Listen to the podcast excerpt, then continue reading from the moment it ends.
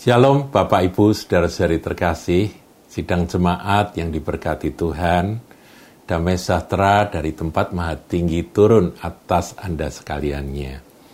Saudaraku, dalam suara gembala kali ini saya ingin mengajak Anda untuk membaca uh, kisah tentang Nabi Elia. Kita tahu Nabi Elia adalah seorang hamba Tuhan yang gagah perkasa, yang dahsyat penuh dengan mujizat ya tetapi juga ternyata dia manusia biasa. Sama seperti saudara dan saya. Demikian kata surat Yakobus. Elia itu manusia biasa. Dan terbukti sejarahku kemanusiaannya itu dinyatakan diceritakan ketika dia melarikan diri dari hadapan Isabel. Tadinya dia begitu dahsyat hebat perkasa gagah berani ya mengalahkan nabi-nabi Baal. Tetapi kemudian atas ancaman dari seorang yang bernama Isabel, seorang perempuan, dia ketakutan luar biasa. Saya bacakan saudaraku ya, kisahnya bagaimana ketika dia melarikan diri. Satu Raja-Raja 19. Allah menyatakan diri di Gunung Horeb, ayat 9 mulai. Di sana masuklah ia ke dalam sebuah gua dan bermalam di situ.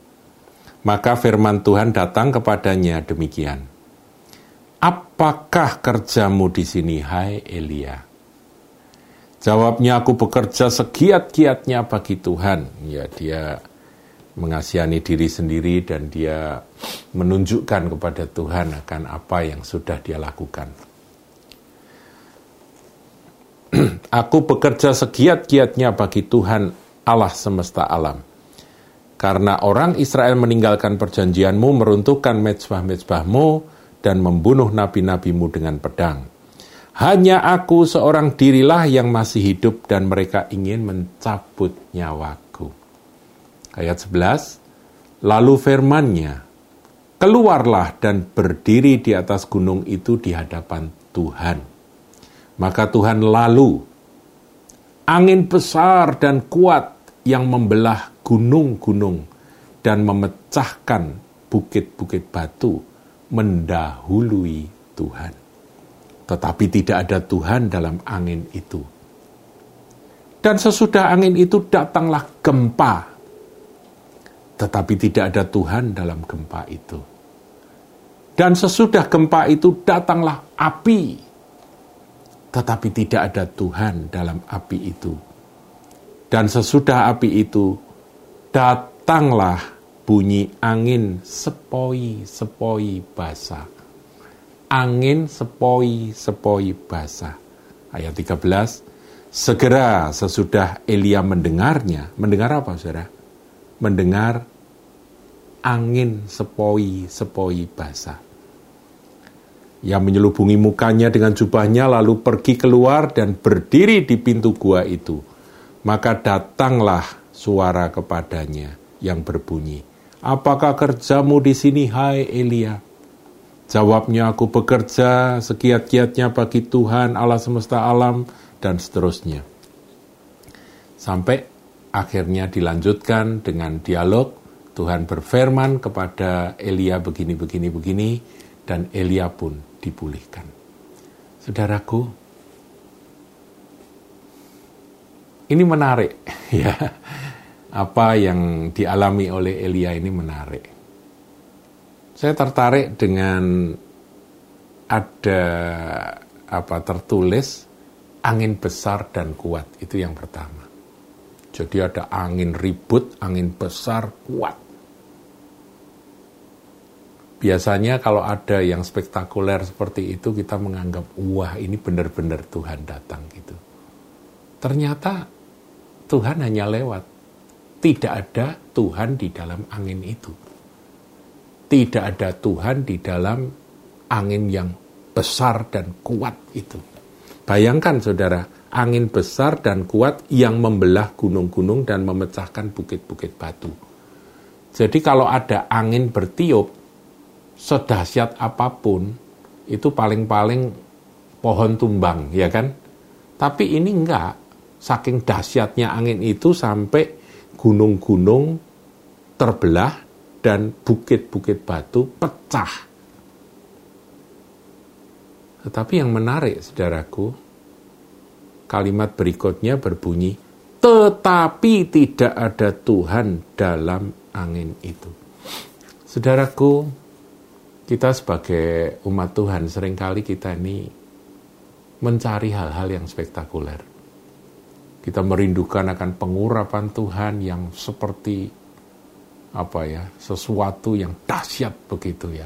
Seperti angin bertiup, goncang, semua rebah begitu ya saudaraku ya. Tapi yang lebih penting ada Tuhan atau tidak di situ. Memang itu Tuhan cuma lewat, saudara. Tapi kalau nggak ada Tuhan di situ, nggak ada firman. Dan Elia tidak dipulihkan. Ya dalam pengalaman kita sebagai eh, gereja ya saudaraku, kita ngalami saudaraku. Saya pernah ngalami ada angin bertiup ya.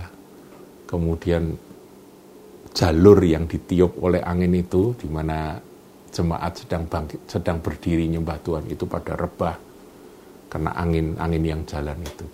Itu bagus. Saya tidak katakan itu jelek, enggak. Itu namanya manifestasi kuasa Tuhan.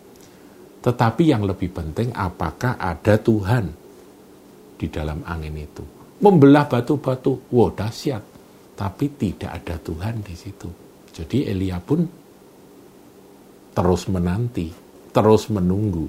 Yang kedua, sesudah angin itu datanglah gempa. gempa. Saudara saya pernah ya melayani di suatu gereja di mana pemain pianonya itu goyang-goyang begini, saudaraku. Padahal ya enggak, enggak, enggak ada apa-apa. Waktu saya tanya, kenapa kok kamu tadi main piano goyang-goyang? Lah ya gempa kok. Rasanya dia seperti digoyang begini, saudaraku ya saking dahsyatnya urapan. Itu tidak tidak apa ya? Bukan sesuatu yang negatif, tidak positif. Tanda dari Tuhan bahwa Tuhan hadir, orang rasanya kayak digoncang-goncang begitu ya. Tetapi apakah ada Tuhan di dalam gempa itu? Ini yang lebih penting. Saya ingin ngajak saudara untuk dewasa. Model pengurapan sedahsyat apa pun, manifestasinya ya. Entah itu model angin besar dan kuat, model gempa yang menggoncang badan sampai dredek semua, ya nggak apa-apa asal pertanyaannya apakah ada Tuhan di situ.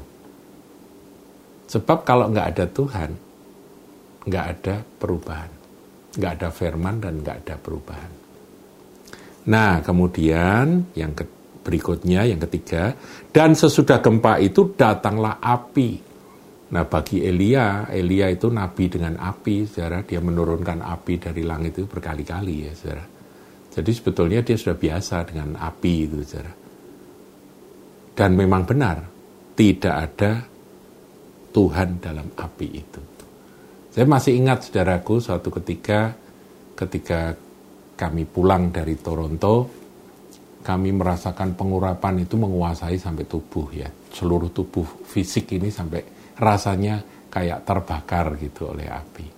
Dan dalam satu kesempatan eh, kami melayani di Jogja dalam sebuah persekutuan kecil dan pada waktu itu kami mendoakan ya, mendoakan musim pengurapan saudaraku ya, mendoakan pengurapan orang-orang bermanifest dan mereka mengalami lawatan Tuhan.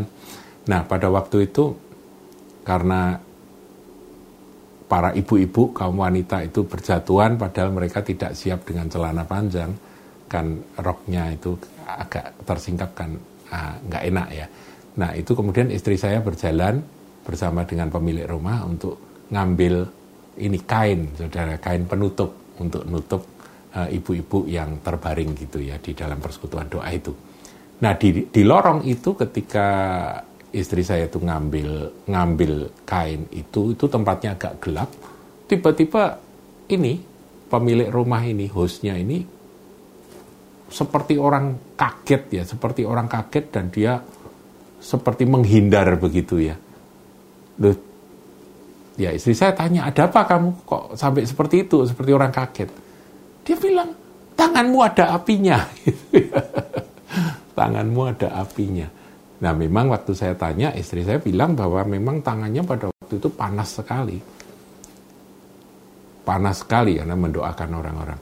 Jadi kalau manifestasi urapan Roh Kudus bekerja itu memang kadang-kadang seperti api, saudara ya. Kita ingat ya lidah-lidah api yang yang turun pada hari Pentakosta.